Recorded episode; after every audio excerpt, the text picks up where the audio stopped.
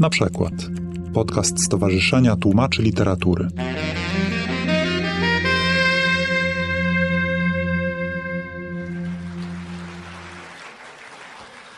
W dniu 87. urodzin najsławniejszego polskiego reportera, w dziesiątym roku nagrody imienia Ryszarda Kapuścińskiego za najlepszą książkę reporterską, w piątym jubileuszowym roku nagrody translatorskiej dla tłumaczy Ryszarda Kapuścińskiego, witam Państwa bardzo serdecznie. Dziś zostanie przyznana ta, którą od pięciu lat otrzymują tłumaczki i tłumacze mistrza. Dzisiejszy wieczór odbywa się pod honorowym patronatem Ambasady Hiszpanii w Polsce oraz Instytutu Francuskiego, dlatego serdecznie witam Jego Ekscelencję ambasadora Hiszpanii w Polsce, pana Francisco Javiera Sanabrie Valderrame.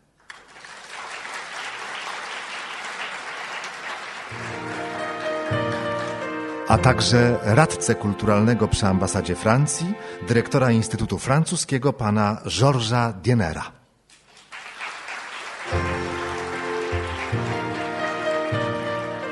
Bardzo serdecznie witam małżonkę Ryszarda Kapuścińskiego, panią Alicję Kapuścińską, która dzisiaj także obchodzi urodziny.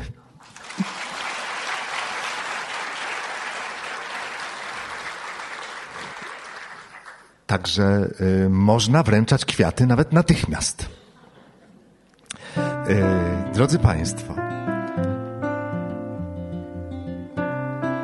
ważna dzisiejszego wieczoru, a nie tylko dzisiejszego wieczoru, jest kapituła nagrody dla tłumaczek i tłumaczy.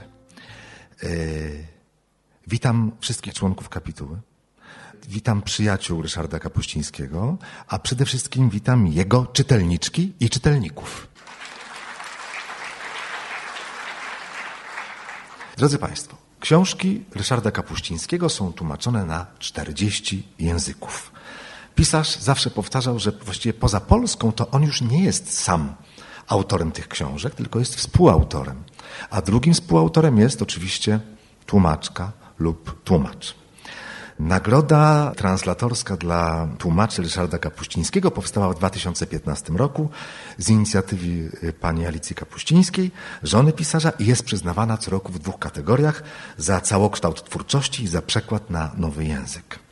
Kapitułę tej nagrody tworzą Alicja Kapuścińska z Fundacji imienia Ryszarda Kapuścińskiego Herodot, Vera Verdiani, pierwsza laureatka Nagrody Translatorskiej, Bożena Dudko, sekretarz kapituły, Miłada Jędrysik, redaktorka Przekroju, tłumaczka Elżbieta Kalinowska i Jarosław Sroka z Kulczyk Investments, przedstawiciel mecenasa Nagrody Translatorskiej. No i w tym roku kapituła zadecydowała, że za całokształt twórczości translatorskiej zostaną przyznane dwie równorzędne nagrody, każda w wysokości 10 tysięcy złotych. Jedną z nich, ufundowaną przez Stowarzyszenie Autorów ZAIX, otrzymuje Agata Orzeszek z Barcelony. Wybitna tłumaczka literatury polskiej i wielka promotorka Polski i naszej kultury, nie tylko w Hiszpanii, ale także na ogromnym obszarze języka hiszpańskiego, którym posługuje się, no kto wie, ilu ludzi na świecie mówi po hiszpańsku? 600 milionów. Kto powiedział pierwszy, dostanie ode mnie jakąś nagrodę potem w foyer. To proszę, żeby się zgłosił. Dobrze, dobrze, ale 600 milionów, ale w ilu krajach? Pani, która powiedziała 21, była bardzo blisko, ponieważ ja tutaj mam napisane, że w 20. To spotkamy się w foyer, dobrze? Drodzy Państwo, zapraszam teraz na scenę. Jego Ekscelencję ambasadora Hiszpanii w Polsce, pana Francisco Javiera Sanabrie Valderrame i jego tłumaczkę, panią Aleksandrę Cywińską z ambasady Hiszpanii.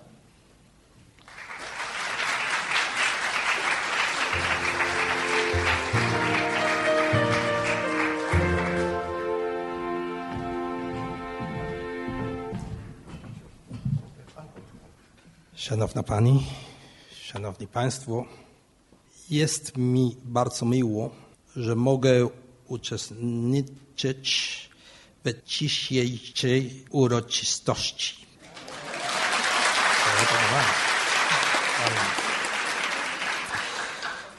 Spotykamy się, aby kolejny raz oddać hołd mistrzowi reporterów Ryszardowi Kapuścińskiemu, którego dzieła zdołały pokonać z nawiązką przekleństwo wieży Babel dzięki wspaniałej pracy takich osób jak Agata Orzeszek.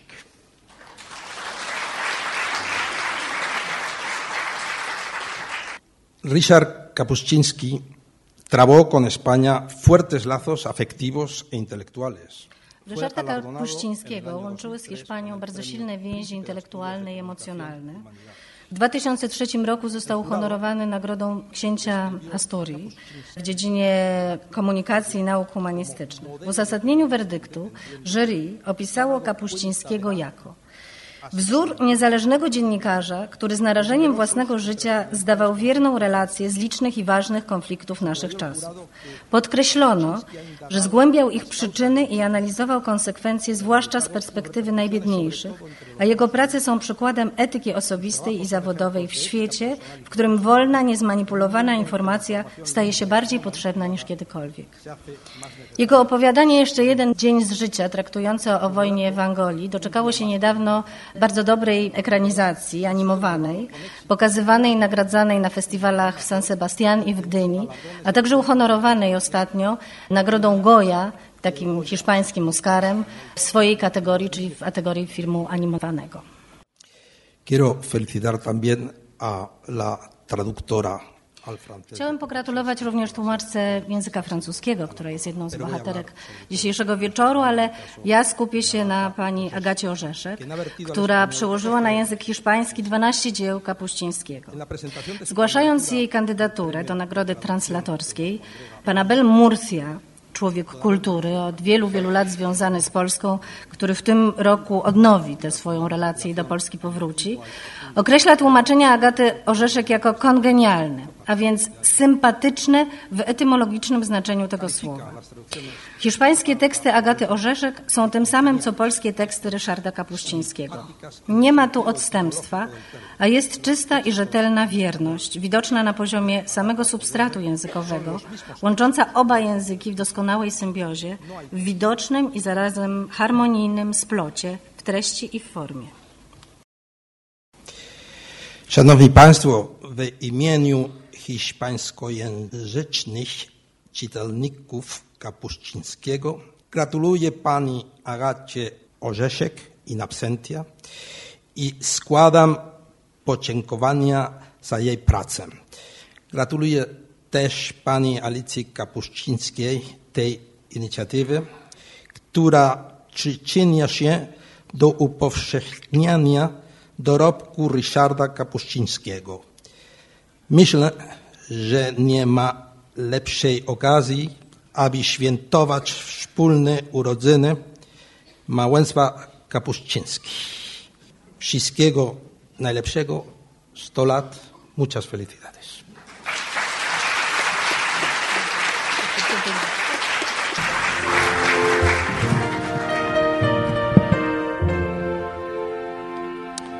Zapraszam na scenę slawistkę, tłumaczkę, autorkę doktoratu o Ryszardzie Kapuścińskim, literatura czy dziennikarstwo, która zgłosiła panią Agatę Orzeszek do nagrody, panią Amelię Serajer Calvo z Madrytu.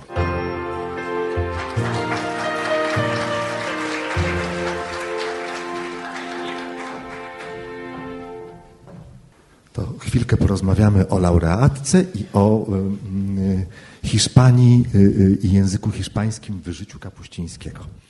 Y, zacznijmy od tego. Dlaczego nominowała Pani Agatę Orzeszek do tej nagrody? No, dobry wieczór Państwu, dobry wieczór dobry Pani Mariuszu. Jak już była mowa, Pani Agata jest niesamowicie pracowita. Ona poświęciła 30 lat swojego życia i pracy Kapuścińskiemu.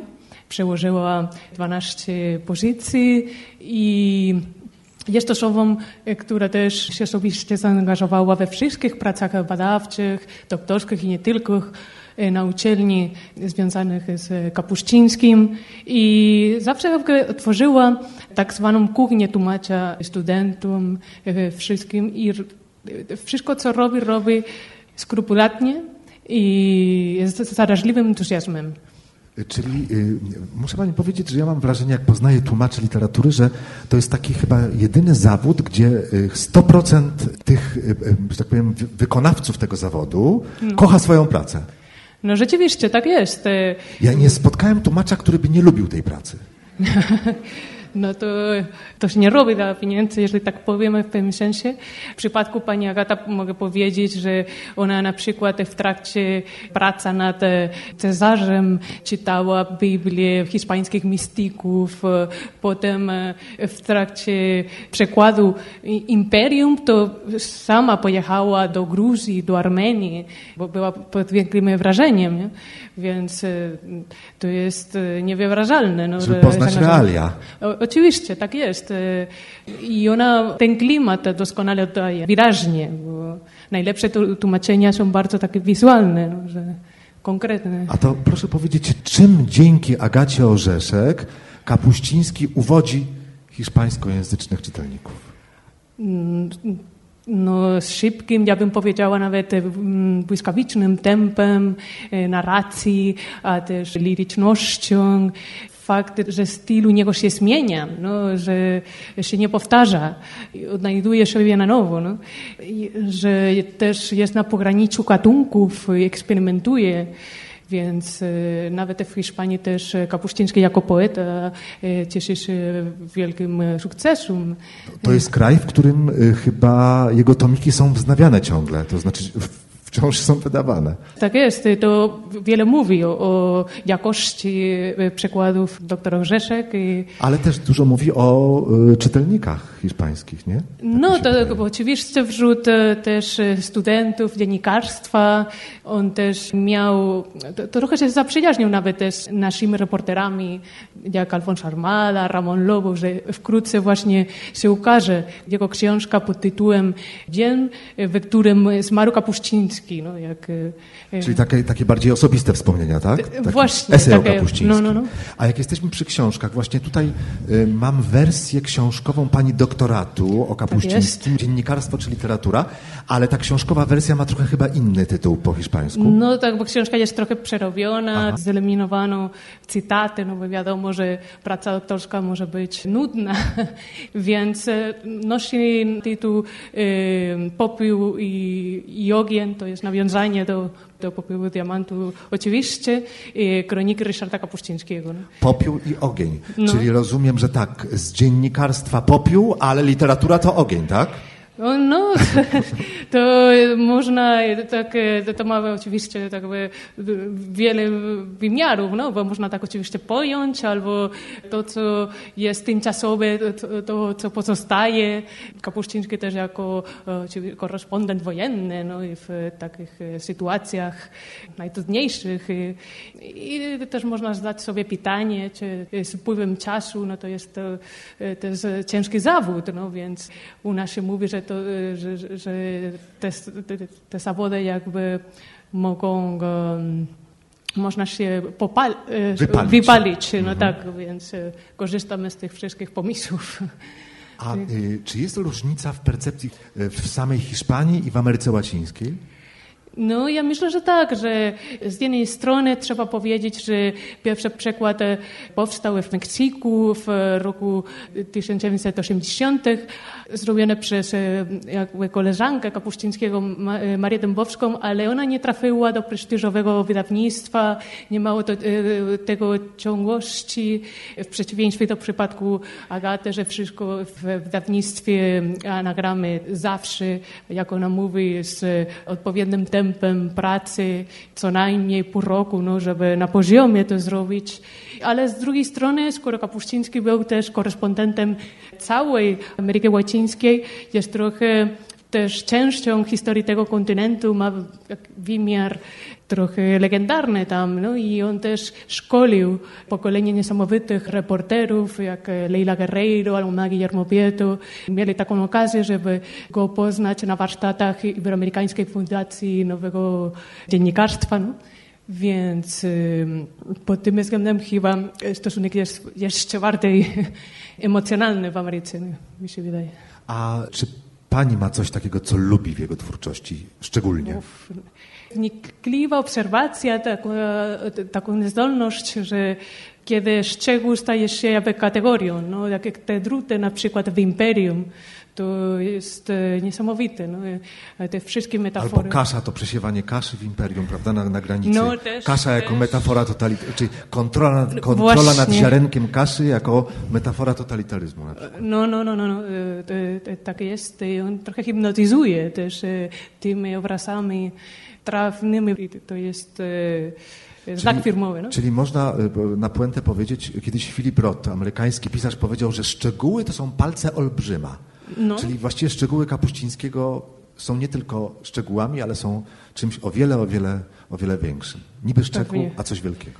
Pewnie, pewnie, że nic, nic tam przypadkowo nie jest e, wspomniane, że zawsze wymaga współpracy ze strony też czytelnika, no, zaangażowania. Ja też, e, też, podziwiam, że już mając swoje lata zaczął właśnie wydać e, poezję, te wszystkie wystawy jego niesamowitych zdjęć, no, że też trafili do nas i, i że dotąd chyba poza Polską były nieznane. No, więc... Czyli pani imponuje to, że Kapuściński był e, człowiekiem renesansu właściwie, tak. raczej renesansowym. Bardzo dziękuję.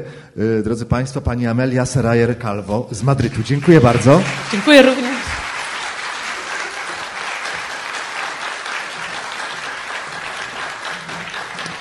A teraz e, zaproszę na scenę Krystynę Czubównę, która przeczyta e, fragment z książki Podróże z Ryszardem Kapuścińskim i będzie to fragment właśnie Agaty Orzeszek.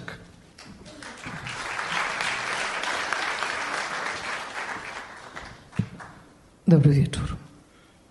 Agata Orzeszek. Dreptania z A. Kapuścińskim. Ryszard Kapuściński w Barcelonie. Nie ma znaczenia, czy to rok 2002, 2005 czy 2006. Czy przyjeżdża wykładać, czy odbierać nagrodę lub doktorat honoris causa. Zawsze jest tak samo. Już na długo przed przyjazdem urywają się telefony.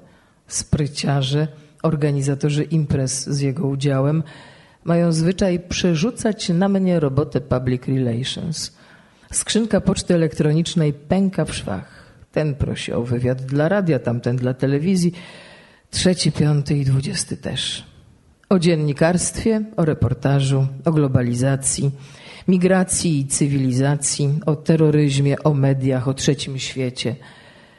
Temu napisz przedmowę, tamtemu posłowie. Tu wygłoś wykład, tam poprowadź panel i tak bez końca. Wreszcie jest, przyleciał. Wywiady w liczbie rozumie się ostro okrojonej, ale i tak wygórowanej. Wykłady, podpisywanie, a teraz obiad z, a potem kolacja z, rozmowy, zaproszenie do, zaproszenie na, flesze, kamery, mikrofony. Parafrazując wojnę futbolową, bomba, tromba, hekatomba. Przyglądam się z boku każdemu takiemu osaczeniu – i widzę, że wykończony. Najchętniej by stąd uciekł, ale nie. Skupia się i otwiera, wygłasza, wykłada. Spręża się i udziela. Gawędzi, ściska prawicę, rozsiewa uśmiechy. Mobilizuje się i dedykuje, podpisuje, żartuje, dziękuję, żuje i szczerzuje. Cena sławy wyszukana forma zniewolenia. Niestrudzona bojowniczka o nieprzezroczystość tłumacza Esther Benitez 1937-2001 przez dziesięciolecia staczała bezkrwawe bitwy z naczelnymi kierownikami działów literackich i krytykami. Zaczęła już w połowie lat 60. Pisała listy prywatne i otwarte Wydzwaniała po redakcjach, wyrzucana drzwiami wchodziła oknem na próżno. W roku 1983 stworzyła podsekcję tłumaczy w Stowarzyszeniu Pisarzy Hiszpańskich w przekonaniu, że w kupie siła. niestety mylnym. Daleka od złożenia broni, a już popularna i z imponującym translatorskim dorobkiem z włoskiego i francuskiego, w końcu lat 80. rozpętała regularną wojnę o prawa tłumacza. Nie tylko o publiczne uznanie, ale również o copyright, o honoraria, o udział w zyskach ze sprzedaży książek. Była również pomysłodawczynią inicjatyw pół żartem, pół serio. Na przykład wysyłania krytykom pocztówek. Ci nieliczni, którzy w swych recenzjach literatury obcej wspominali o tłumaczu i efektach jego pracy, dostawali kartkę z różą, pozostali z ostem. W końcu w prasie coś jakby drgnęło. Drgało nieśmiało jeszcze przez lat kilka, aż wreszcie rozedrgało się na dobre. Dziś nieumieszczenie na szpaltach nazwiska tłumacza nie należy do dobrego tonu. Do przeforsowania został opór radia i telewizji. Listopad 2005.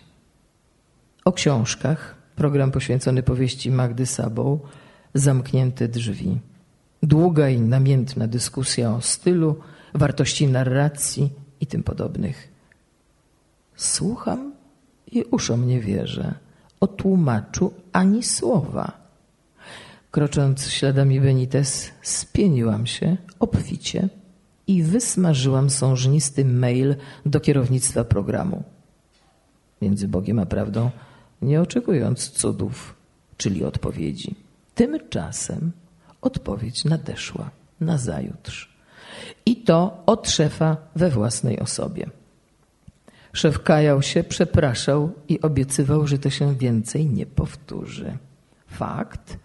Od obsobaczenia na planszach z informacją o omawianych książkach nazwisko tłumacza stoi jak się patrzy. W postscriptum wyraził nadzieję, że nie odmówię uczestnictwa w planowanym programie o twórczości Kapuścińskiego. A ja, naiwna, w pierwszej chwili myślałam, że to moja interwencja coś wskurała. Największy sprzymierzeniec tłumacza Kapuścińskiego pani Alicja Kapuścińska. Warszawa, rok akademicki 2003-2004. Wykorzystuje urlop naukowy do pracy nad antologią El Mundo de Hoy. Przywiozłam z Barcelony wszystkie książki. Od Buszu po ostatni wydany tom Lapidarium. Ale brakuje mi wykładów i przede wszystkim wywiadów. Z prośbą o nie wpadam jednak do państwa kapuścińskich w niefortunnym momencie. Ryszard, który właśnie pracuje nad podróżami z Herodotem, schodzi z pracowni do mieszkania jak po podwójnej zmianie w hucie, z podkrążonymi oczami, zlany potem, wycieńczony. Nie mam teraz głowy do Twoich wywiadów. Ucina moje fakt w danej chwili wielce nietaktowne nalegania. Agatko, odzywa się Alicja. Przyjdź pojutrze, dobrze? I to jeszcze jak dobrze. Pojutrze czekały na mnie cztery teczki uporządkowanych wywiadów i wszystkie opublikowane wykłady. Nie wiem, co i w jakim stopniu trzeba mieć. Sęk czy rausze, by kongenialnie tłumaczyć, ale jedno wiem na pewno. Dla nas Bożeny Zaboklickiej, Jerzego Sławomirskiego i jeszcze kilku innych Polaków, głównie Polek, przekładających na hiszpański i lub kataloński, czyli jakby nie było na język obcy, dobry adiustator to prawdziwy skarb. Mój jest bezcenny. Roberto Mansberger, bo to właśnie on cyzeluje każdy mój przekład.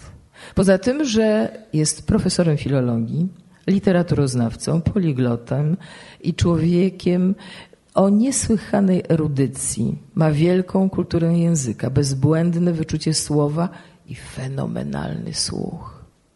Tak, jakże ważny w tłumaczeniu literatury. Słuch.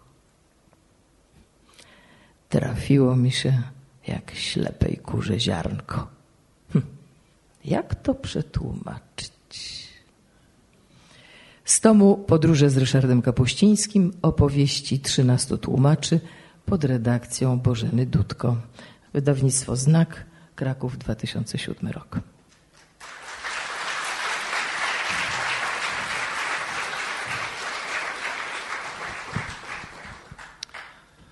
Szanowni Państwo, poproszę teraz o e, wejście na scenę i potem o wręczenie dyplomu tłumaczkę Ryszarda Kapuścińskiego, pierwszą laureatkę tej nagrody, członkinię kapituły Nagrody Translatorskiej, e, panią Werę Verdiani z Rzymu, którą bardzo serdecznie witam.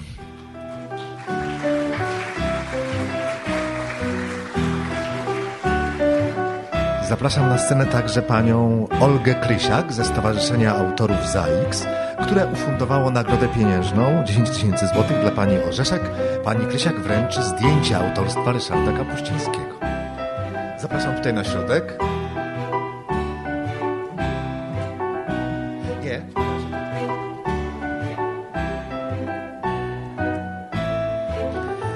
Laureatki niestety nie ma dziś z nami, ale w jej imieniu nagrodę odbierze kulturoznawczyni, badaczka literatury non-fiction, tłumaczka literatury pięknej z hiszpańskiego na polski, pani Aleksandra Wiktorowska. Zapraszam.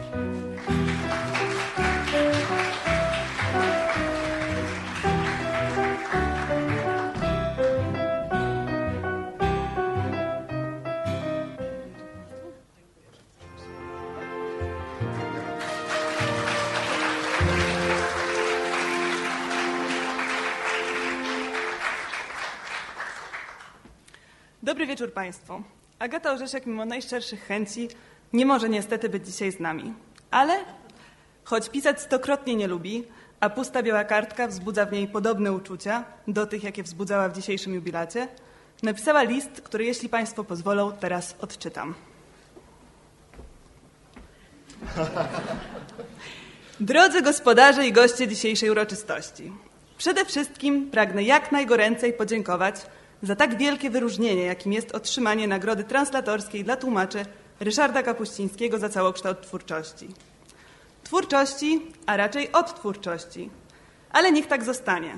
Niech nasze translatorskie ego napawa się mile słowem twórca. Wielki to zaszczyt znaleźć się w tak znakomitym i znamienitym gronie przyjaciół, parających się przekładem z kapuścińskiego na nasze. Wery Verdiani na włoski, Martina Polaka na niemiecki, tandemu Brandów na angielski, Błagowesty Lingorskiej na bułgarski, Andersza Budegorda na szwedzki i tegorocznej współlaureatki Veronique Pat na francuski. Bardzo bym chciała uścisnąć osobiście wszystkich obecnych, poczynając od patronującej nagrodzie Alicji Kapuścińskiej, a kończąc na osobie, która zgasi światło. A jak znam życie, będzie nią czuwająca nad wszystkim sekretarz kapituły Bożena Dudko. Jednak z przyczyn od mego chcenia niezależnych do Warszawy niestety przylecieć nie mogę. Olu, to jak rozumiem jest to, nie? As los honores. Czy reprezentuj to dobre tłumaczenie? To wy tłumaczycie świat. Nieco górnolotnie, nieco bombastycznie zatytułowała Gazeta Wyborcza streszczenie wypowiedzi Ryszarda Kapuścińskiego dotyczącej roli tłumacza we współczesnym świecie, a dedykowanej Anderszowi Budegordowi w jego 60. urodziny. Nagłówek, jak to nagłówek. Jeśli nie szokować, to na pewno musi przynajmniej przyciągnąć uwagę czytelnika. Stąd ta grubo przesadzona prawda. A przesadzona według mnie nie tylko, bo gdyby Ryszard Kapuściński nam tegoż świata uprzednio nie wytłumaczył, niewiele mielibyśmy do powiedzenia. Tym bardziej, że sam kiedyś przyznał, że go nie ogarnia. Mielibyśmy więc my ten świat ogarnąć i wytłumaczyć? Porównywano już nas do kanibali. I słusznie. Teksty Kapuścińskiego to niezwykle smakowity kąsek. Do krawców od przeróbek, o czym wspomina Klara Główczeska w podróżach z Ryszardem Kapuścińskim. Do muzyków interpretujących niesłyszalne, a więc niezrozumiałe partytury, co odnotowuje ta pani Karken w tychże podróżach z Ryszardem Kapuścińskim. Porównywano nas nawet do akuszerek, bo pomagamy przychodzić na świat cudzym dzieciom. Tak widział nasz fach znany kataloński prozaik, dramaturg i tłumacz Ramon Folk i Camaraza. Nazywano wyniki naszej pracy le bel infidel, wytygano nam zdradzieckość w słynnym traduttore traditore, a Jorge Luis Borges posunął się nawet do wysunięcia zdumiewającej tezy, że oryginał jest niewierny przekładowi. Przyznaje się do kanibalizmu, krawiectwa, muzykowania, akuszerstwa, niewierności i zdrady, w pełni świadoma, że w tych ostatnich tkwi paradoks, polegający na tym, że naszej niewierności i zdradzie przyświeca jeden, jedyny cel. Jak najwierniej oddać zarówno sens, jak i formę oryginału, jego muzykę, rytm, tempo, ducha czy wręcz duszę. Nie tracąc przy tym z pola widzenia tego, co jak mówiło się w podstawówce, autor chciał przez to powiedzieć. Innymi słowy, nie gubiąc autorskiego przesłania. Jednak najbardziej przekonujące wydaje mi się porównanie ukute przez jednego z koryfeuszy przekładu na język kataloński, Juana Fontcuberte, autora grubo ponad setki tłumaczeń z niemieckiego i angielskiego oraz książki pod tytułem Wszystkie barwy kameleona. Kameleon bodaj najlepiej charakteryzuje ludzi naszego zawodu. Ilekroć zabieramy się do cudzego tekstu, by go oswoić, przeistaczamy się w autora oryginału. Przybieramy jego barwy i sposób pisania.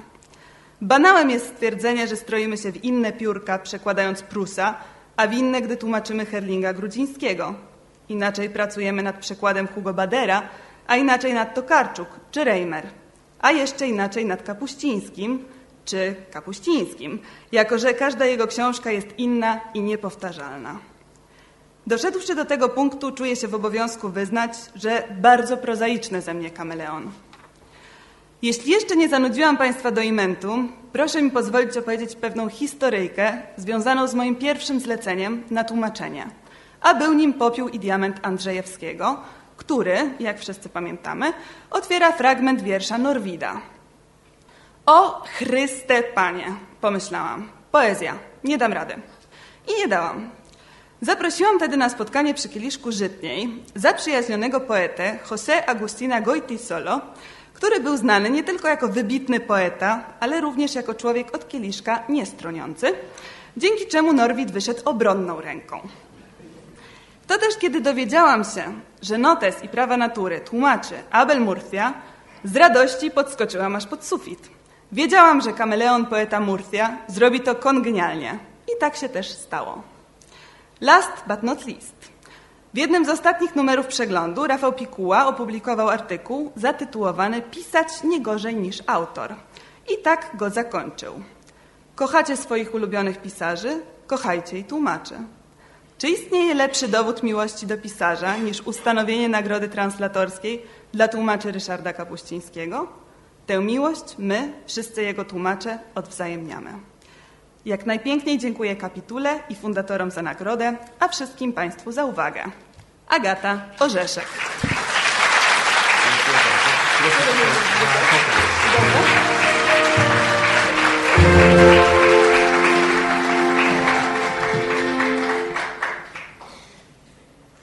Drodzy Państwo, laudare to po łacinie chwalić, bardzo dobrze. To będzie bez nagród, bo za dużo osób wie.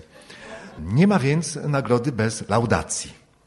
O jej wygłoszenie poproszę teraz pana Abla Murcie Soriano, tłumacza poezji Ryszarda Kapuścińskiego na język hiszpański, aktualnie dyrektora Instytutu Cervantesa w Moskwie, a przedtem w Warszawie i Krakowie, bardzo właściwa kolejność, który także zgłosił Agatę Orzeszek do nagrody translatorskiej. Zapraszam serdecznie na scenę.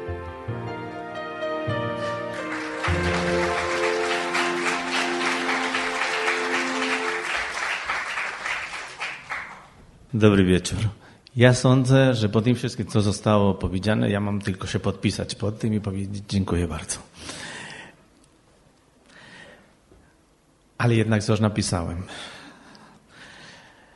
Kiedy 12 maja 2005 roku podczas pierwszego Światowego Kongresu Tłumaczy Literatury Polskiej zorganizowanego przez Instytut Książki Ryszard Kapuściński zwracał się do nas, obecnych tam tłumaczy, i mówił, że język to największy skarb kultury, a jednocześnie najbardziej czuły i rozpoznawalny znak tożsamości.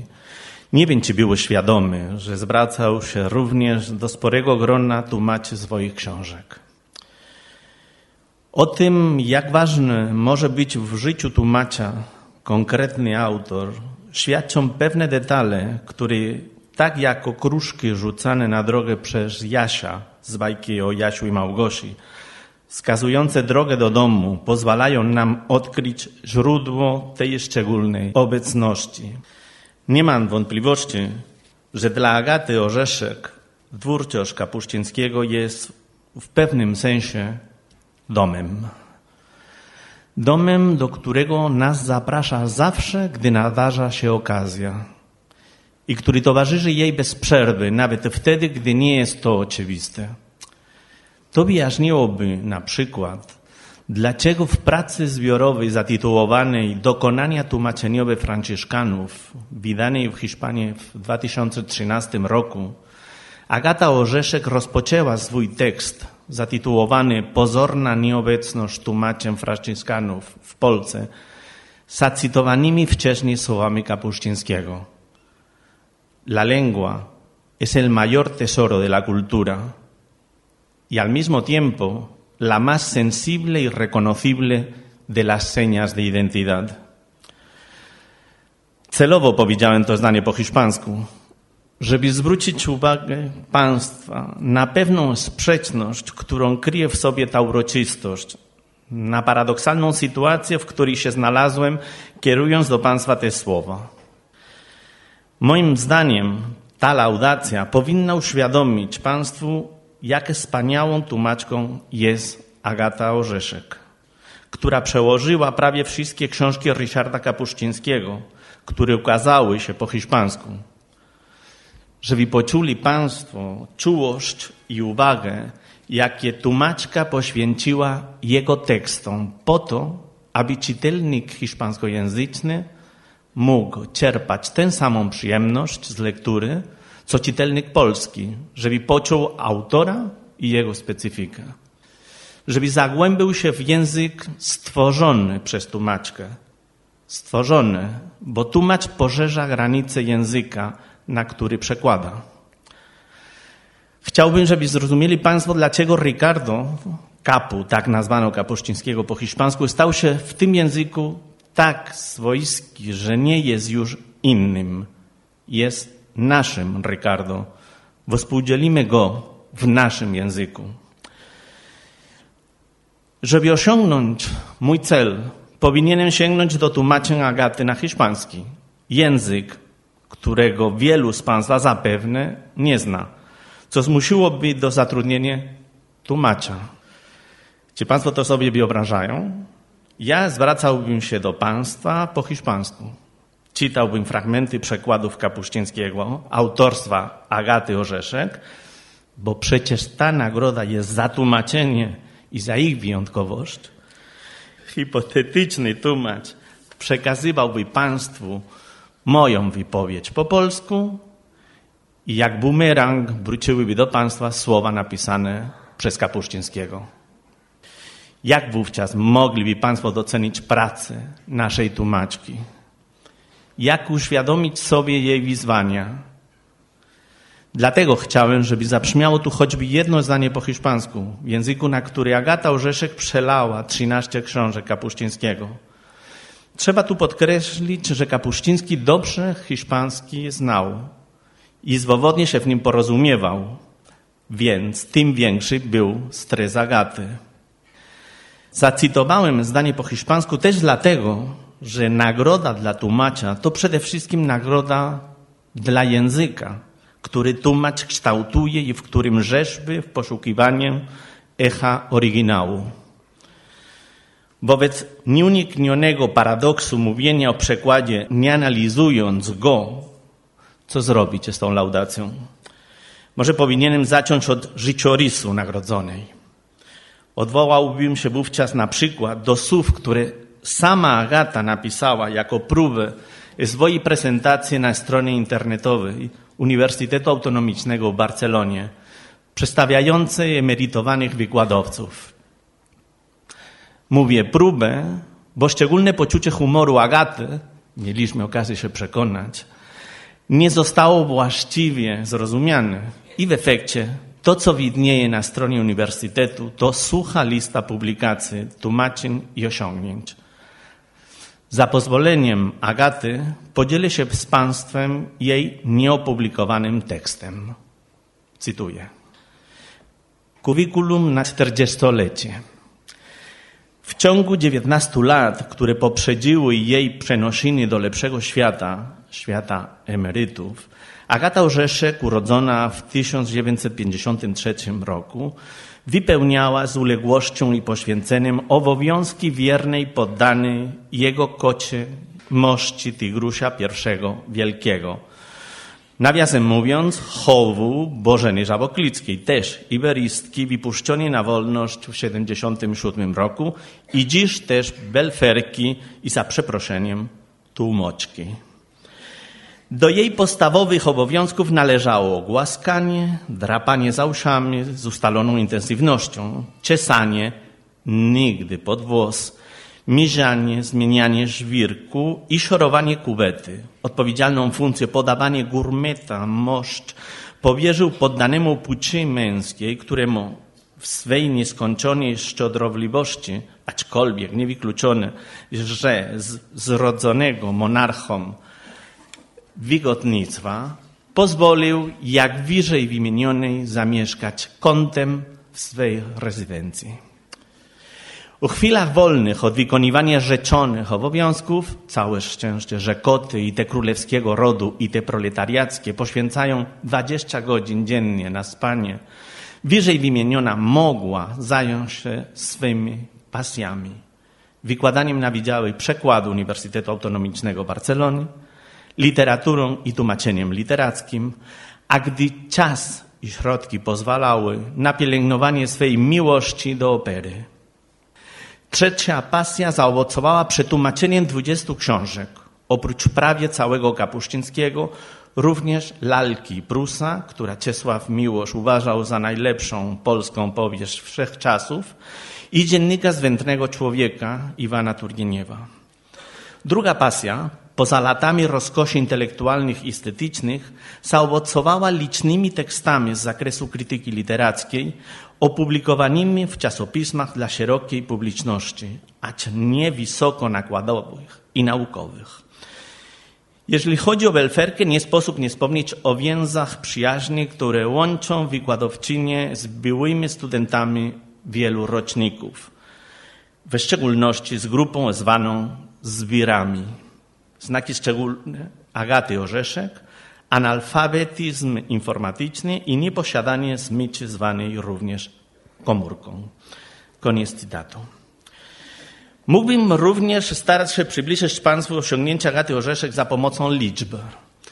Przełożyła Agata 13 książek Kapuścińskiego od Szachin Szacha, który ukazał się po hiszpańsku w 1987 roku jako pierwszy, po Czarne Gwiazdy, wydane w 2016 poprzez Cezarza, wojnę futbolową, Imperium, Hewan, Lapidarium 4, jeszcze Dzień Życia, autoportret reportera, podróże z Herodotem, ten inny, burz po polsku, Chrystus z karabinem na ramieniu. Agata jest autorką całego mnóstwa artykułów, wstępów, esejów poświęconych naszemu pisarzowi. Udzieliła też wielu wywiadów. Poza Kapuścińskim pod piórą, a raczej klawiaturę Agaty dostał się też Jacek Hugo Bader, a ostatnio Małgorzata Reimer, laureatka paszportu polityki. Sukces Kapuścińskiego w tłumaczeniu Agaty otworzył drogę do hiszpańskich księgarni innym polskim autorom literatury faktu, takim jak Kral, Tochman, Szczygiel, Jagielski, Stasiuk. Mógłbym również opowiadać o pracy Agaty z perspektywy, która wielu osobom wydawałaby się anegdotyczna.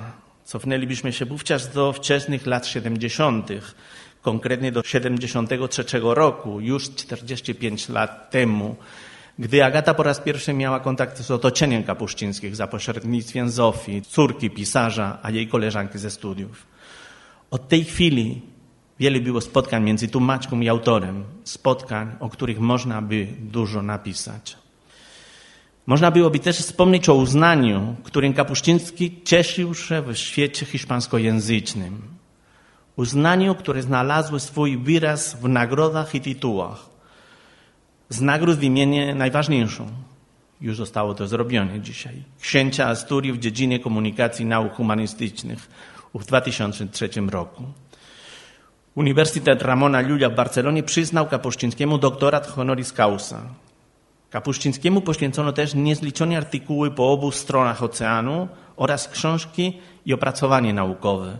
Wymieniłbym tu niedawną publikację Popioł i ogień, kroniki Ryszarda Kapuścińskiego, autorstwa Amelie Serrayer Calvo, która napisała również swą pracę doktorską o Kapuścińskim, który mieliśmy dzisiaj okazję poznać. To znaczy niektórzy poznaliśmy wcześniej. Do tego należałoby dodać wiele wystaw fotograficznych zainspirowanych twórczością pisarza oraz film Jeszcze Dzień Życia Raula de la Fuente i Damiana Nenowa, który otrzymał zaledwie kilka tygodni temu Nagrodę Goya. Też była mowa o tym. Dla najlepszego filmu animowanego. Sprawczynią całego tego zamieszania jest w dużym stopniu Agata Orzeszek.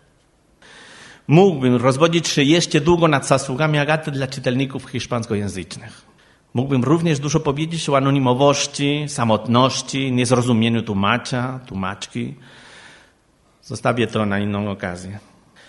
Ale chcę wspomnieć o tych wszystkich Polakach, którzy w czasach, gdy prawie nie było tłumaczy z polskiego na hiszpański, podjęli wyzwanie przybliżenia nam tego innego, którego oni sami utożsamiali choć podobno istnieje taka zasada, że literaturę tłumaczy się na własny język, a nie wyuczony. Agata należy do tego grona wyjątkowych tłumaczy, którzy przekładają na język nie będący ich językiem ojczystym, czy jakbyśmy powiedzieli po hiszpańsku, matczynym, lengua materna.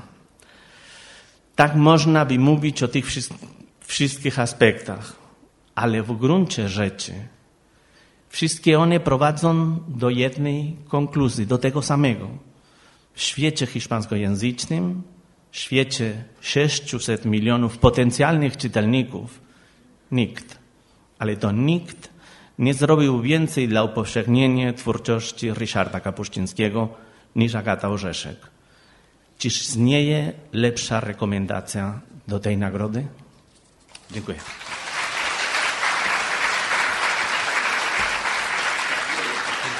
Dziękuję. Dziękuję bardzo. Dziękuję Pani Aleksandro. Y, proszę sfotografować bukiet przynajmniej dla Agaty. Albo może da się zasuszyć y, którąś różyczkę. I przejdziemy za chwilę do drugiej części naszego wieczoru.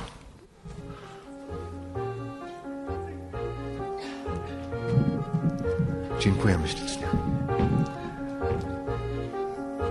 Szanowni Państwo, drugą z równorzędnych nagród ufundowaną przez Kulczyk Investments otrzymuje obecna dzisiejszego wieczoru pani Weronique Pat z Paryża.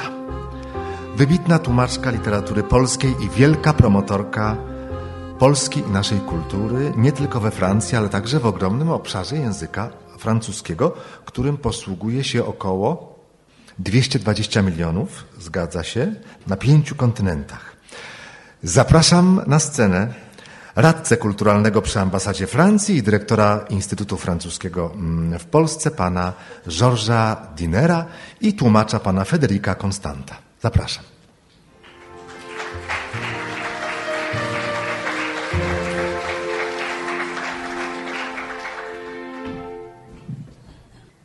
Dobry wieczór. Mesdames et messieurs, monsieur l'ambassadeur,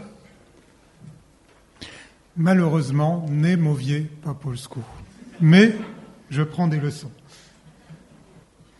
Szanowni Państwo, Szanowny Panie Ambasadorze, nie mówię po polsku, ale uczę się.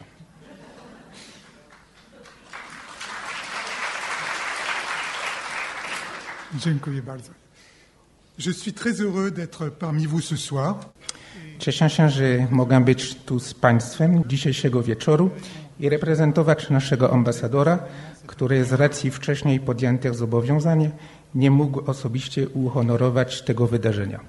Pour de nombreux euh, lecteurs, Dla wielu francuskich i frankofonskich czytelników oraz pisarzy Ryszard Kapuściński jest prawdziwym wzorem w dziedzinie reportażu literackiego.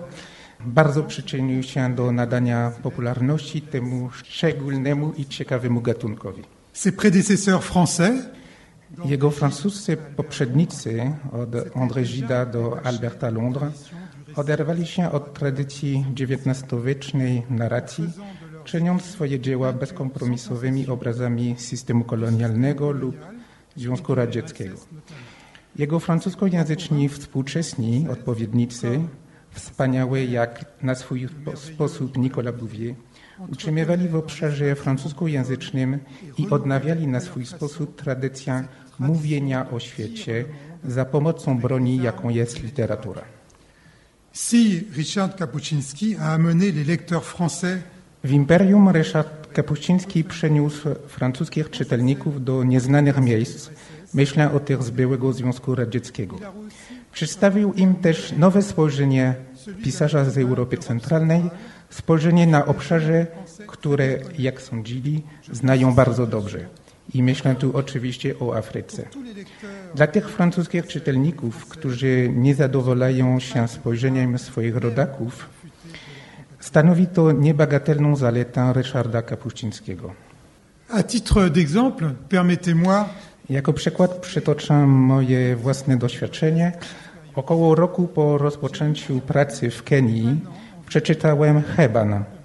Muszę przyznać, że lektura zupełnie odmieniła moje spojrzenie na Afrykę i zaoferowała klucz do zrozumienia kontynentu. si la réception de Richard Kapuscinski en France Odbiór twórczości Ryszarda Kapuścińskiego we Francji i krajach francuskojęzycznych był tak dobry dzięki tłumaczce. Dlatego razem z kapitułą i wszystkimi, którzy składają podziękowania Weronik Pat za jej pracę, która często pozostaje w cieniu, serdecznie gratuluję jej tej prestiżowej nagrody. pour la France qui continue à soutenir chaque année Dla Francji, która wspiera każdego roku, w szczególności poprzez program Boja Żeleńskiego, kilkadziesiąt spośród 650 francuskich książek, które pojawiają się co roku w polskim tłumaczeniu, tłumaczenie ma kluczowe znaczenie dla zachowania różnorodności językowej i kulturowej. La traduction est notre bien commun. Tłumaczenie jest naszym wspólnym dobrem. Kiedy jest w służbie reportażu literackiego, jest dobrem podwójnym. Pomaga nam zrozumieć świat, w którym żyjemy. Dziękuję bardzo.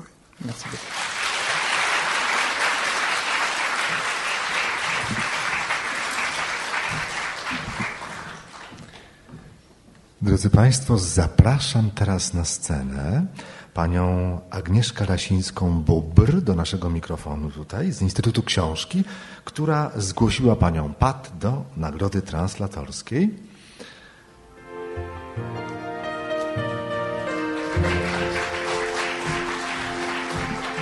Pani Agnieszko, i mam jedno pytanie. Dlaczego nominowała pani Weronik Pat? Bo podobno był to imperatyw z pani strony. To był zdecydowanie imperatyw. Powód, dla którego czułam ten imperatyw, leży tutaj przed Panem, a mianowicie jest to właściwie niemalże dzieła wszystkie Ryszarda Kapuścińskiego, albo niemal wszystkie, w wydaniu wydawnictwa Flammarion i w tłumaczeniu Weronik, które ukazały się w 2014 roku. Trzeba powiedzieć, że Weronik jest tutaj nie tylko autorką tłumaczeń, ale w przypadku niektórych, niektórych fragmentów również wyborów tekstów. Poza tym każdą książkę poprzedziła tutaj taką notą od siebie, gdzie umieszczają w kontekście, we właściwym momencie w życiu pisarza i w kontekście historycznym. I również jest tu jakieś, moim zdaniem, jakieś setki, o ile nie tysiące przypisów, które wykonała, plus szczegółowe kalendarium życia autora, które znajduje się na końcu. Także to naprawdę jakieś no, niesamowite dzieło. A przy okazji ta książka jest bardzo francuska, nie tylko z powodu języka. Proszę Państwa, kilka książek Ryszarda Kapuścińskiego, leciutka jak piórko, jak wszystko co francuskie. Na papierze takim cieniutkim, biblijnym, no naprawdę sama przyjemność wziąć taką książkę do pociągu na przykład. TGV oczywiście. E, bardzo dziękuję.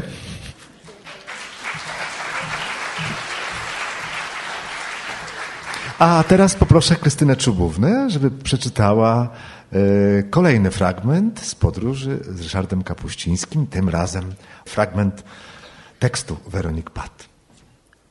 Weronik Pat, u progu moich drzwi. Hautalen w belgijskiej Limburgii. Szkoła położona na wzgórzu, pośród piasków, sosen i hałd, gryzący i zniewalający zapach węgla. Domy w uporządkowanym szyku, z cegieł żółtych, czerwonych lub białych dla walonów i flamandów, z malowanego drewna dla górniczych rodzin Polaków, Turków, Włochów, Greków. Każdego ranka modlitwy po niderlandzku. Onze Vader die in de hemel zijt. Wees Hechrut Maria. Na szkolnym podwórku piosenki włoskie. Marina, Marina, Marina, ti voglio al più presto sposar. O mia bella mora. Codziennie nowe dźwięki, litery, słowa, frazy. Jest koniec lat pięćdziesiątych. Mam siedem lat. Wychowawczyni Elsy Rekers, ruda zalotna, w sukience deseniem przypominającej stronę gazety, wskazuje drewnianą linijką pstrokate abecadło. Ab, bom, om, ok, ros, für. Wieczorem lekcje francuskiego z mamą. Ortografia, wypracowanie, deklamacja. Kraj, gdzie miasta mają podwójne nazwy. Liège i Lalk. Anvers i Antwerpen. Mont i Bergen. Gdzie prezenty dostaje się dwa razy w roku na świętego Mikołaja i na Boże Narodzenie.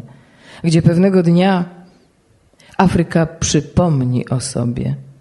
Czarne jak smoła dzieci przypłyną z Konga w atmosferze ciszy i bólu. W 1960 roku Kongo przestaje być belgijską kolonią. I wreszcie wakacje na południu Francji u dziadka. Sierpień w Aveyron z jego brzmieniem, akcentem, nowymi i obcymi wyrażeniami, śpiewnymi i melodyjnymi, zabawnymi, a czasem niepokojącymi. Brać na spytki, być morowym chłopem, wziąć nogi za pas, udawać świętoszka, zdychać z głodu. Zwroty nigdy niesłyszane, a wieloznaczne, dziwaczne, nieprzeniknione. Słowa, które równocześnie intrygują i oszałamiają, bałamucą, odurzają aż po bezsenność.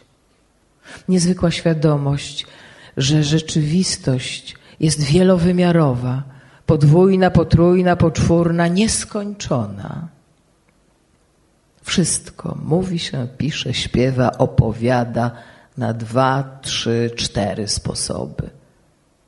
Wystarczy wytężyć słuch, by zanurzyć się w tym niezwykłym świecie, chłonąć świeżość różnorodności, odmienności, wieloznaczności.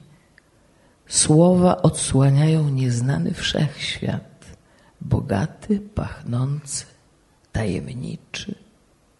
Świat do odkrycia, ale przede wszystkim świat do słuchania, spijania, pochłaniania dla przyjemności, dobrego samopoczucia, dla szczęścia z odczuwania inności.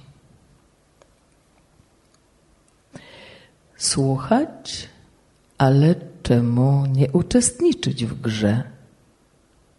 Kilkanaście lat później w paryskim autobusie trzy pokolenia babcia, matka, córka z ożywieniem wymieniają uwagi.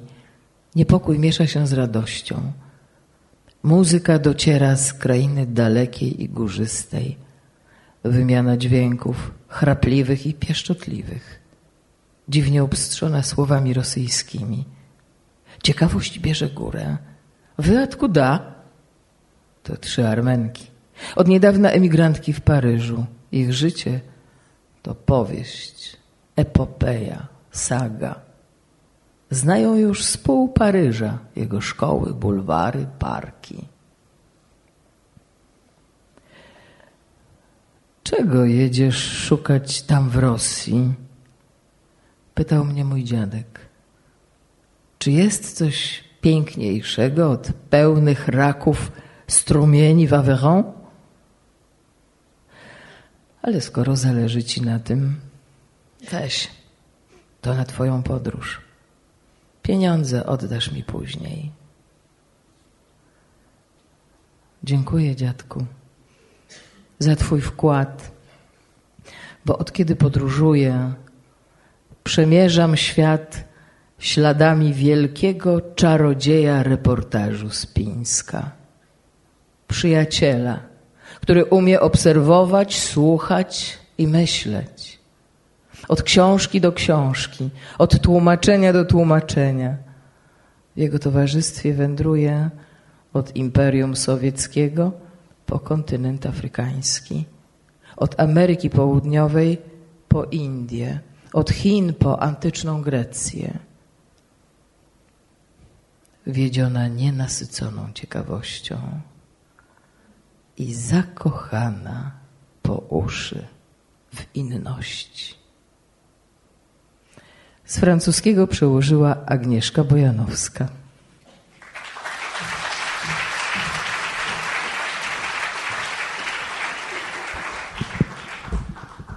Najwyższy czas zaprosić na scenę laureatkę Nagrody Translatorskiej, panią Weronique Pat.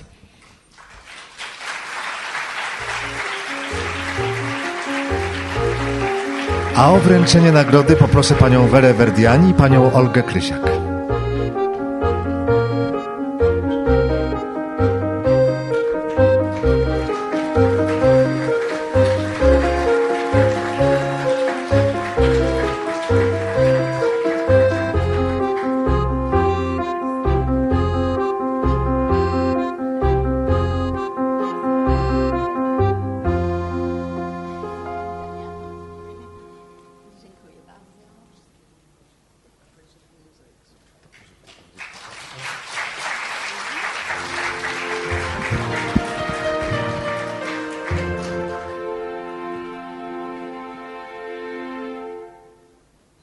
Może to zabrzmi trochę banalnie, niemniej jednak ja chciałabym powiedzieć kilka, kilka słów o nagrodzie dzisiaj mi wręczonej i wieńczącej przygodę, która nie była bynajmniej banalna.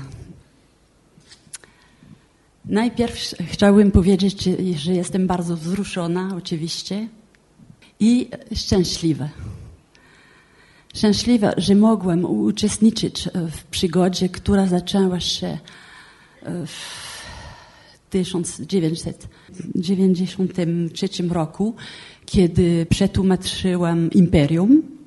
Przygodzie, która nadal trwa. Prawda mówiąc, mogę powiedzieć, że tłumaczenie twórczości Kapuścińskiego była przede wszystkim dla mnie szczęśliwym zdążeniem losu. Pogrążyć w przebogaty literacki mir polskiego pisarza. Przetłumaczyć jego barwny język na, na swój rodziny, na, na francuski język. Przekazać moją pasję francuskim czytelnikom i podzielić się z nimi. Mogę powiedzieć, że zawsze jestem bardzo dumna i szczęśliwa, kiedy jestem w, w Paryżu w metrze, albo w, w, autobusie, albo w pociągu, albo w parku, naprzeciwko kogoś czytającego Heban, podróże z Herodotem, Cezarza, Szachinszacha. Z drugiej strony mam powiedzieć, że to szczęście zawsze jest związane z jakimś smutkiem, bo kiedy kończę tłumaczenie książki Kapuszyńskiego albo książkę związaną z jego twórczością, zawsze, zawsze przechodzę okres nostalgii, zagubienia, tęsknoty. Wzruszona jestem, szczęśliwa jestem i bardzo wdzięczna też wszystkim osobom, którzy mi pomagali tej przygodzie, wspierali, dodawali duchu, zaczynając od męża, który przeczytał wszystkie moje przekłady od pierwszego do ostatniego, nie oszczędzając e, krytyki. Za...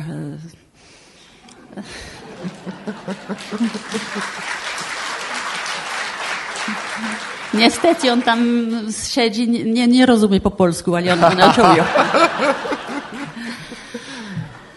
Nie oszczędzając krytyki i zachęty też i rady.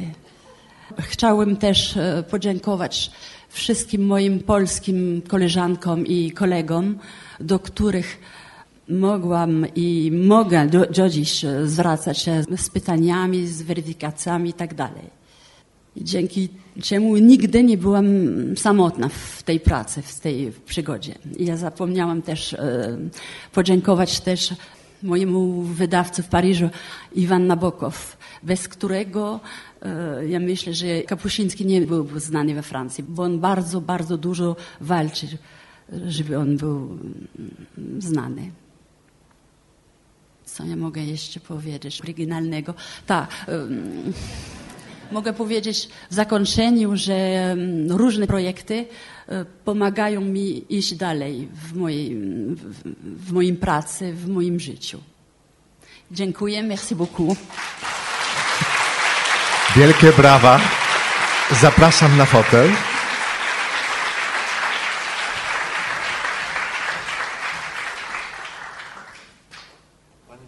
Pani lubi swój zawód, ja bardzo lubię swój zawód i ja teraz Pani troszkę tak udowodnię, że jeszcze da się coś powiedzieć. Jaka była pierwsza książka, jaką Pani tłumaczyła w ogóle z języka polskiego? Co to, to jest Imperium. A, czyli Kapuściński był pierwszy? Tak. Zupełnie pierwszy? Tak, tak. A y, czym się różni na przykład y, przekład Kapuścińskiego od przekładu, no powiedzmy, Eustachego Rylskiego? Albo od przekładu na przykład Mrożka? Czy w ogóle można mówić o takiej różnicy? To jest trudne pytanie, ale ja bym powiedziała, że proza Kapuścińskiego należy i do prozy literackiej, i do prozy dokumentalnej. Dlatego, kiedy ja tłumaczę książkę Kapuścińskiego, ja mam bardzo dużo czytać o, na przykład, kiedy, kiedy przetłumaczyłam Imperium, ja bardzo dużo, dużo czytałam o Rosji, chociaż jestem rosyjską. Ja mieszkałam w Związku Radzieckim w Rosji. Tak samo było z, z Hebanem i tak dalej. Ale kiedy ja tłumaczę Rylskiego, Mrożka i, albo innych e, polskich pisarzy, mogę od razu zacząć tłumaczenie bez e, dokumentacji, tak. Znaczy ja mogę powiedzieć, że ja podaję się podwójnej karze z Kapuścińskim, bo ja, ja mam tłumaczyć prozę literackiej i ja mam bardzo dużo czytać. Prawda, że ja nie, nie żyłam jak Agata, Agata Orzeszek do Gruzji albo do Armenii, ale ja mm, no ta cięższa robota jest bardzo no, ogromna, to jest A cięższa robota. Ale mi się podoba ta, ta praca. Stąd ta nostalgia potem się bierze, jak się oddaje książkę. Bardzo dużo energii y, w nią wkłada i tak się szkoda rozstać z tą pracą. Mhm. A czy to nie jest trochę tak z książką jak z córką? Że książka jest jak córka, tak się ją wychowuje, a potem się ją oddaje za mąż i ona odchodzi w świat i taki, taka nostalgia się zaczyna. Może to jest taki stosunek? Nie. nie mogę. A ma pani córkę? Mam córkę i, i dwóch synów. A, ja nie mam. Tak sobie, tak sobie wyobraziłem, że to taka nostalgia. No dobrze, a co sprawia, że Francuzi lubią czytać Kapuścińskiego? To jest trudne pytanie. Są różne przyczyny. Najpierw ja bym powiedziała, że e, francuski czytelnik bardzo lubi podróżniczącą literaturę podróżniczą. Liter, tak, tak. E, już mówiono o Nicolas Bouvier, Blaise Cendrars, e, Joseph Kessel, Jack London i, i Francuzi uwielbiają tą literaturę. Potem ja bardzo często uczestniczę w w licznych prezentacjach, debatach o, o Kapuścińskim. I ja zauważyłam, że francuski czytelnik bardzo interesuje się faktem, że Kapuściński jest bohaterem je, jego książek. I bardzo często ja mam pytanie na ten temat. To, to jest dla, dla, Chodzi o to, że reporter istnieje w swoim tekście tak, też. Tak, tak, Mhm. tak. To, to jest bardzo ciekawe dla francuskiego e, czytelnika. To jest tak, że Kapuściński bardzo dużo pisał też o Afryce. I francuski czytatel, e, czy, e, czytelnik, Czytelnik. jest, e, przepraszam, czytelnik jest bardzo wrażliwy na temat Afryki.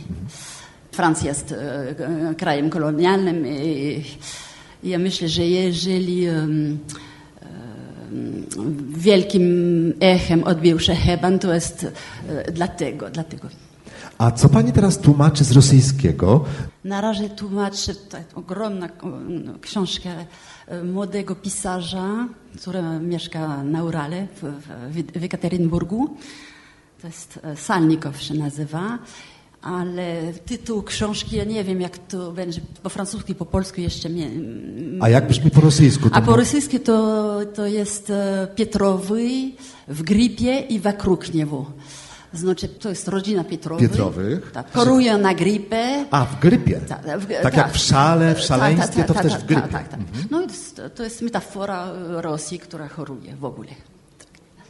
A, to bardzo ciekawa. No to już ostatnie moje pytanie. Czy pamięta Pani swój pierwszy przyjazd do Katowic w życiu? Kiedy, to, to bardzo ciekawe było, kiedy ja przyjechałam do Katowic, miałam wrażenie, że wróciłam do dziecka, bo ja urodziłam się w Belgii, tam gdzie są kopalnie, bardzo dużo Polaków, miałam bardzo tam dużo po, polskich koleżanek i, i kolegów i zapach. Zapach, tak. Zapach mi się wydało, że jestem hałtalenie, jak, jak Bo mówiło się, że Pani jest jedyną francuską, która kocha Katowice. A to zapach leżał u podstaw tego, tego uczucia. Proszę Państwa, bardzo dziękuję Pani Weronik Pat, y, która zostanie z nami.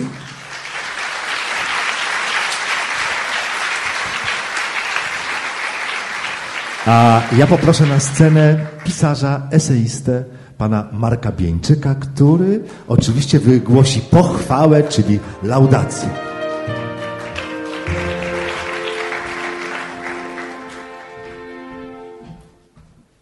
Wieczór Państwu.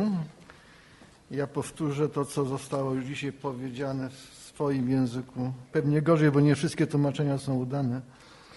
Moja krótka laudacja nosi tytuł Zwierciadło i mur. Argentyńskiego pisarza Borgesa spytano w jednym z wywiadów o pracę nad redakcją językową i stylistyczną jego książek. To nie ma żadnego znaczenia, odpowiedział książę iberoamerykańskiej literatury, bo ostateczną wersją książki będzie i takiej przekład na francuski. Powiada się, że książka nieprzełożona to książka w połowie niewydana. Dla Borgesa książka nieprzełożona na francuski to książka niewydana w ogóle. Rozmowa toczyła się na przełomie pięknych, pięknych dla kultury francuskiej lat 40. i 50., kiedy Paryż był wart każdej literackiej mszy, a język francuski pozostawał jeszcze lingua franca wysokiej kultury. Dziś trudno w to uwierzyć, ale pierwsze polskie przekłady Jamesa Fenimora Coopera, pisarza tak niegdyś fundamentalnego dla imaginarium podróży przez niezachodnie cywilizacje, jak fundamentalny jest dzisiaj dla niego Kapuściński, dokonywane były nie z oryginału angielskiego, lecz z języka francuskiego. Ten splendor niestety już przygasł, lecz nadal francuska wersja bywa dla książek furtką na świat, w pewnym sensie wersją ostateczną. Niech świadczy choćby o tym fakt, że ze wspaniałych przekładów pani Weronik Pat korzystali właśnie tłumacze nieznający polskiego, a natchnieni francuską lekturą dzieł Ryszarda Kapuścińskiego. Mówię dzieł, gdyż wydawnictwo Flammarion przygotowało w tłumaczeniu Weronik Pat wielką 1500-stronicową edycję, co na rynku francuskim zdarza się rzadko w przypadku pisarzy niefrancuskojęzycznych. Wspaniale wydaną i wspaniale opracowaną.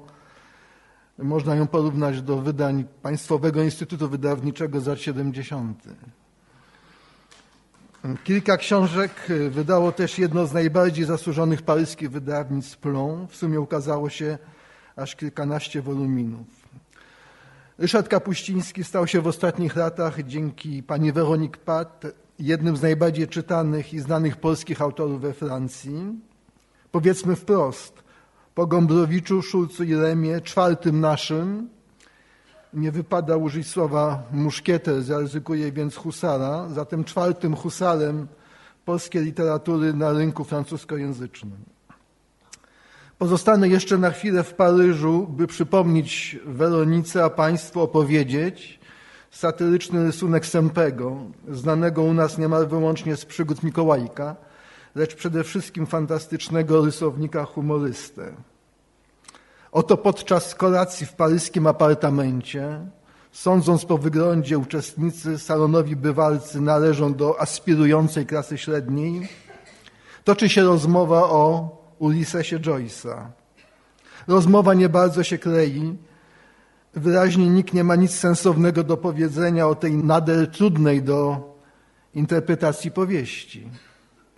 Wreszcie jeden z zaproszonych stwierdza, bo wiecie, ten przekład jest coś nie bardzo. I wszyscy oddychają z ulgą. Bardzo mnie ten rysunek, przyznam, śmieszy. O niejednym przekładzie zdarzało się nam wszystkim słyszeć podobny diktum, ale że bratem śmiechu jest patos, podzielę się od razu pewnym wyobrażeniem, które przy okazji tej gali przyszło mi do głowy. Jak Państwo wiedzą, pani Weronik Pat przekłada nie tylko z polskiego. Poza książkami Kapuścińskiego tłumaczyła między innymi Janusza Korczaka, Sławomira Mrożka, Eustachego Ryskiego, Jarosława Marka Rymkiewicza, lecz także z języka rosyjskiego. Dzisiaj otrzymuje nagrodę jako wybitny dzięki swym przekładom propagator literatury polskiej za granicą. Jednak chętnie sobie we wzniosłym zapale wyobrażam, że mogłaby także otrzymać tu w Warszawie laury za przekłady z języka rosyjskiego. I dziękuję Mariuszowi, że zechciał o tłumaczeniach z języka rosyjskiego Weronik pytać. Jeśli bowiem leży nam na sercu prawdziwa literatura, jeśli za Getem nie przestajemy myśleć i marzyć o Weltliteratur, literaturze światowej, zniknąć powinny granice i rozróżnienia. Niech Akademia Brazylijska przyznaje nagrody tłumaczom z języka koreańskiego na fiński. Niech Pen Klub Hiszpański ukoronuje któregoś dnia przekłady z flamandzkiego na bułgarski. Żartuję oczywiście, lecz to żart całkiem poważny i chętnie sobie wyobrażam, że od jego spełnienia zależy przyszłość świata. Rysunek Sempego i moja międzynarodowa utopia mówią o dwóch odmiennych spojrzeniach na pracę tłumacza. Za tym pierwszym stoi tradycyjne przekonanie, że tłumacz znajduje się niejako z konieczności na przegranej pozycji, że przekład tak czy inaczej zawsze jest zdradą, a tłumaczenie to wytwarzanie straty, rozmnażanie tego, co jest stracone w tłumaczeniu, lost in translation. I że idąc dalej tym smutnym tropem, tłumacz jest saperem poruszającym się po polu minowym i że jeśli dojdzie do wybuchu, jeśli nie zrozumiemy Joyce'a po polsku czy po francusku, to winę należy zrzucić na niego właśnie. Za opowiedzianym przed chwilą utopijnym marzeniem stoi natomiast przekonanie całkiem odwrotne. Tłumacz nie jest w nim agentem straty, przeciwnie jest pracownikiem zysku fundamentem życia literackiego, kimś, od kogo zależy zdolność porozumiewania się i ochota na wspólne zrozumienie. Być może tłumacz o niewyrażalności wie więcej niż poeta, o różnicy wie więcej niż filozof, o pozach wie więcej niż eseista, o temperaturze zdań więcej niż reporter. Więcej, konkretniej, cieleśniej. Tłumacz porusza się w samym środku, w wirze języka, jest, jak mówią sprawozdawcy sportowi, reżyserem gry, rozgrywającym pomocnikiem. To on rozdziela słowa, to on słowa podaje, jest pomocnikiem, który ma nominalnie tylko pomagać, zorganizować, przygotować teren, lecz przecież to on tutaj zarządza.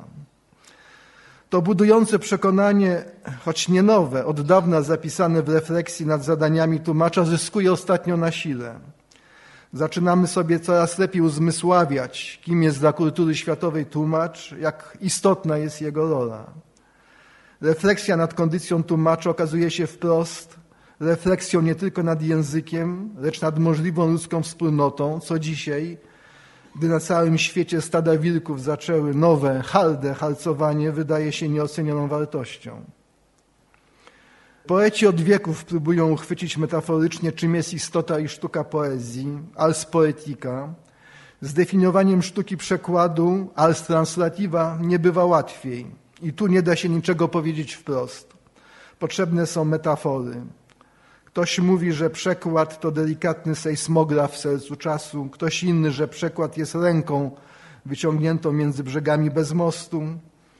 Pani Weronik Pat, wspominając drogę, która zaprowadziła ją do zawodu czy do misji tłumacza, wypowiada takie słowa. Od rektu do tłumaczeń krok został zrobiony, po to, by zrozumieć, odrzucić pułapki uprzedzeń, nie mieszać pojęć. Pamiętać, mieć oczy szeroko otwarte, być świadkiem, zachować wrażliwość na niesprawiedliwość świata. Wszędzie, w każdej chwili inni tłoczą się u naszych drzwi, nieustannie przewijają się przed naszymi oczami. Flamandowie, Polacy, Włosi, Kongijczycy, Ormianie, Mołdawianie, Czeczeni. I zmieniają zwierciadło, bez którego życie traci sens, a zostaje tylko różnorodność polityczna, ekonomiczna, religijna, ideologiczna. Zwierciadło, bez którego życie traci sens, to bardzo piękne określenie istnienia wśród innych i opisanie kondycji tłumacza, który widzi lustra tam, gdzie hordy wilków chcą stawiać mury. Ale nie chodzi tylko o wybór ideowy, humanistyczny, czy jak powiedzieliby niektórzy poprawnościowy. Zadania tłumacza można sobie uświadomić, ale najpierw je trzeba, jak wspomniałem przed chwilą, uzmysłowić. Uzmysłowić, czyli dojść do wiedzy w sposób cielesny, instynktowny, w pewnym sensie najbardziej naturalny. Weronik Pat tak jeszcze opowiada. Metro także dostarcza swoją porcję wrzawy słownej i muzycznej. Krótka zabawa pozwala na chwilę uciec od szarości pracowitych dni. Poddaje się dźwiękom egzotycznej kołysanki, zajmująca, wesoła, wręcz ekscytująca gra, o ile jej zasady są skrupulatnie przestrzegane. Należy w góra trzy minuty rozpoznać język pary siedzącej naprzeciw. Oczywiście surowo jest zabronione zadawanie jakichkolwiek pytań. Można za to skupić się na poszlakach pozajęzykowych, gestykulacja, kolor skóry, garderoba, sposób bycia. Jeśli rozwiązanie jest odpowiednio szybko znalezione, można przejść do dalszych zgadywanek. Niektóre są dziecinnie proste. Rozpoznanie melodii włoskiej lub arabskiej na przykład należy do kwestii podstawowej. To samo z dialogami angielskimi, hiszpańskimi. Chociaż odróżnienie angielskiego od amerykańskiego, kastylijskiego od hiszpańskiego, południowoamerykańskiego nastręcza czasami problemy. Z tych samych powodów nie zawsze jest łatwo odróżnić portugalskie od brazylijskiego, flamandzkie od niderlandzkiego, rumuńskie od mołdawskiego. Jednak ulubiona zabawa wiąże się z językami słowiańskimi, bo tu niepewność podwaja przyjemność. Melodyjna intonacja i zmysłowość rosyjskiego, sycząca słodycz polskiego, niecierpliwa żywiołowość serbskiego. I na koniec są pytania, które pozostają bez odpowiedzi. Drzwi na zawsze zamknięte, jak języki afrykańskie, skandynawskie, hinduskie. Tyle pani Weronik Pat. Jak Jan Jakub Rousseau twierdził, człowiek jest z urodzenia dobry, a zmysły są po dobrej stronie mocy. Przesadzał, jak to ono. Lecz ta opowieść o życzliwym wsłuchiwaniu się w dźwięki wokół, w szmer powietrza, czy mówiąc szumniej, ta opowieść o hermeneutyce odgłosów, pozwala pomyśleć, że jeśli nie człowiek, to chociaż tłumacz jest kimś dobrym z natury. A że bratem patosu jest humor, słowa Weroniki przypominają mi scenkę, którą widziałem niedawno przy wyjściu ze stacji metra Politechnika. Młody Grek próbował nauczyć parę młodych Hiszpanek wymowy greckiego słowa, w którym zbitka spółgłosek t niesłychanie większym stopniu niż analogiczna zbitka w angielskim utrudnia zadanie. Misja okazywała się niemożliwa, wymowa nie do powtórzenia. Do ćwiczenia dołączyli się młoda Rumunka i Portugalczyk, zapewne i oni studenci Erasmusa, bezskutecznie. Choć już nie student, sam stanąłem do boju. Poprosiłem Greka say again i również poległem. Ale przez chwilę wszyscy śmialiśmy się i patrzyliśmy sobie w oczy, jak w czyste zwierciadła. Dziękuję bardzo. Dziękujemy bardzo.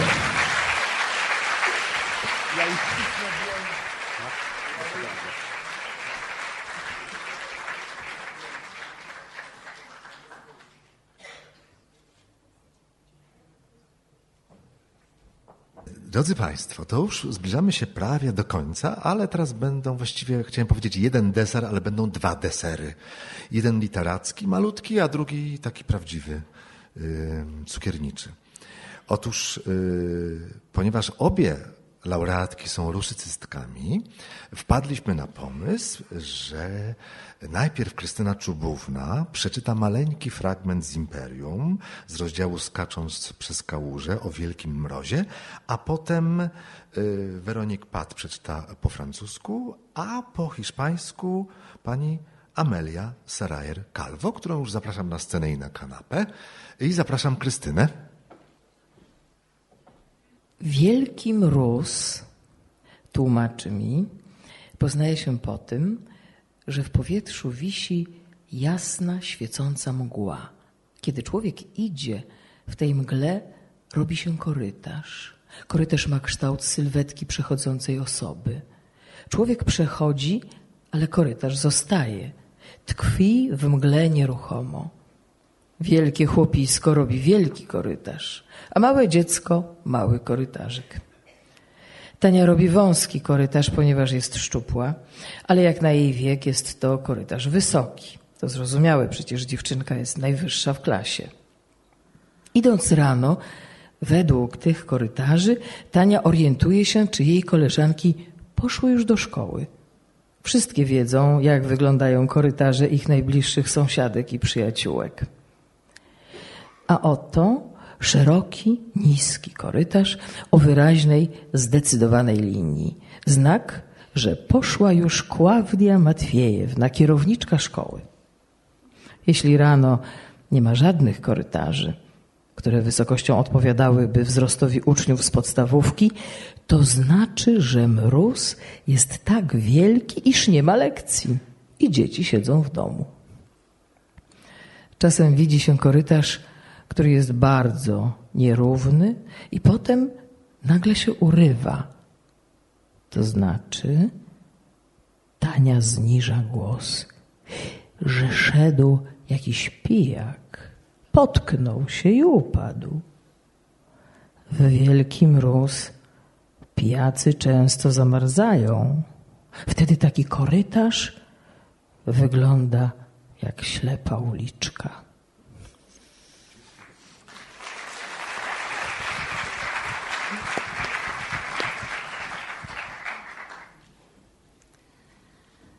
À cloche-pied par-dessus les flaques.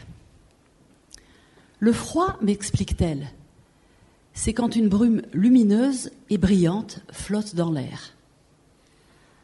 En la traversant, on sculpte un couloir dans cette brume. Ce couloir prend la forme de la silhouette de la personne qui vient de passer. Une fois que celle-ci est passée, le couloir reste, se fige dans la brume. Un grand costaud fait un grand couloir. Un petit enfant, un petit couloir. Tania, elle fait un couloir étroit, parce qu'elle est mince, mais pour son âge, son couloir est haut. C'est normal. Elle est la plus grande de sa classe. Le matin, Tania est capable de dire, d'après ses couloirs, si ses camarades sont déjà partis à l'école. Toutes connaissent la forme des couloirs des voisines et amis proches. Par exemple, si le couloir est large, bas, clair et net, cela veut dire que Klavia Matveevna, la directrice de l'école, vient de passer. Si un beau matin, il n'y a aucun couloir correspondant à la hauteur des élèves de l'école élémentaire, cela veut dire qu'il fait froid, qu'il fait si froid que l'école est fermée et que les enfants sont restés à la maison. Il arrive parfois que le couloir soit très irrégulier et que soudain, il s'interrompe. Cela veut dire, m'explique Tania en, baissant la voix, qu'un ivrogne est passé par là, qu'il a trébuché et qu'il est tombé. Quand il fait froid, les ivrognes gèlent et meurent. Et dans ce cas, le couloir se termine en cul-de-sac.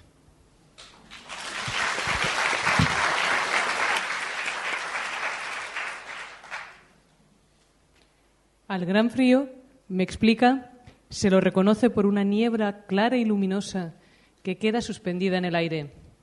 Cuando la persona lo atraviesa, en la niebla se forma un pasillo. El pasillo tiene la forma de la silueta de la persona que pasa. La persona pasa, pero el pasillo permanece, se queda inmóvil en la niebla. Un hombre grande y macizo forma un pasillo grande y un niño un pasillo pequeño. Tania forma un pasillo estrecho porque es delgada, aunque para su edad es un pasillo alto, cosa comprensible, pues es la niña más alta de la clase.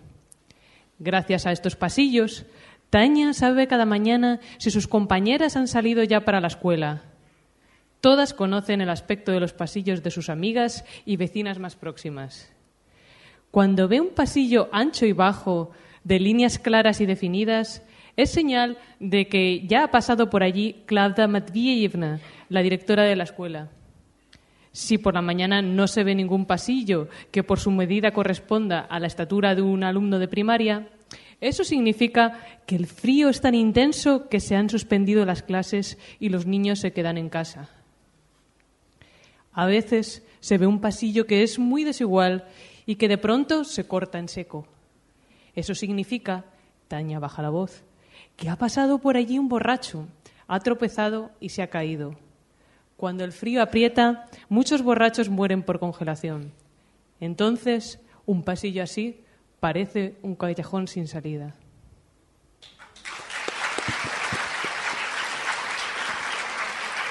Mili Państwo, nie znam obu tych języków i gdybym nie wiedział, że to jest o wielkim mrozie, to bym pomyślał, że pani Weronik czytała o łące w maju gdzieś na Ukrainie, a e, pani Amelia o lesie w sierpniu gdzieś na Kaukazie.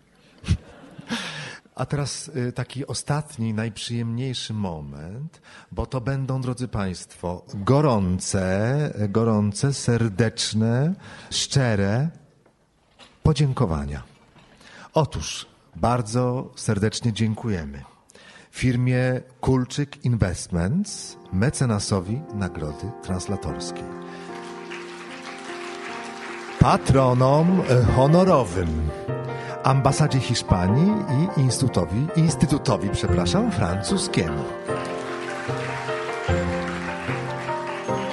I partnerom Stowarzyszenie Autorów ZAIX, Instytut Adama Mickiewicza, Fundacja imienia Ryszarda Kapuścińskiego Herodot, Teatr Ateneum, Księgarnia Buk Buk Wiejska 14. Adres księgarni to zawsze y, warto podać i to nie jest reklama, znaczy jest, ale bardzo słuszna. E, czyli księgarnia Buk Buk Wiejska 14.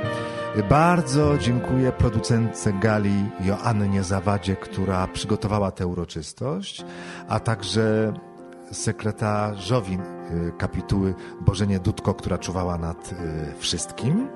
A w imieniu pani Alicji, patronki Nagrody Translatorskiej i organizatorów Miasta Stołecznego Warszawy i Gazety Wyborczej, zapraszam za chwilę na, do Fuaje na urodzinową lampkę wina. No i oczywiście do stoiska księgarni Bóg Bóg. No i ja Państwu dziękuję za udział w dzisiejszym wieczorze i cieszę się, że mogłem go poprowadzić. Dziękuję bardzo i do zobaczenia.